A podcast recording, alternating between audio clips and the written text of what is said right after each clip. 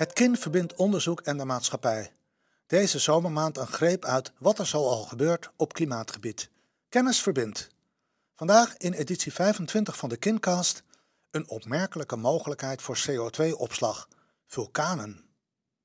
Om de klimaatdoelen van de overheid te halen is het noodzakelijk om energie te besparen en over te stappen op duurzame energiebronnen die geen of weinig CO2 uitstoten.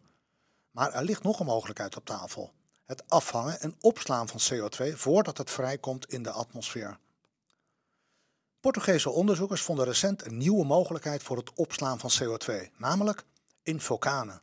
Dat is opmerkelijk, omdat een uitbarsting van een vulkaan juist gepaard gaat met een uitstoot van enorme hoeveelheden CO2.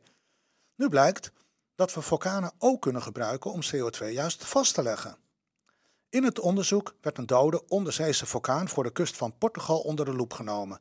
In die Fontanelas vulkaan kan 1,2 tot 8,6 gigaton aan CO2 worden opgeslagen. Vergelijkbaar met de industriële emissies van Portugal over een periode van 24 tot 125 jaar. De resultaten werden gepubliceerd in het wetenschappelijke tijdschrift Geology. In Nederland slaan we CO2 op in lege gasvelden onder de zeebodem. Waar het aardgas is gewonnen, kan CO2 worden teruggepompt via bestaande of nieuwe putten. CO2-afvang en opslag wordt door voorstanders van CO2-opslag gezien als een tussenoplossing voor de komende 50 tot 60 jaar, stelt Milieu Centraal op hun website.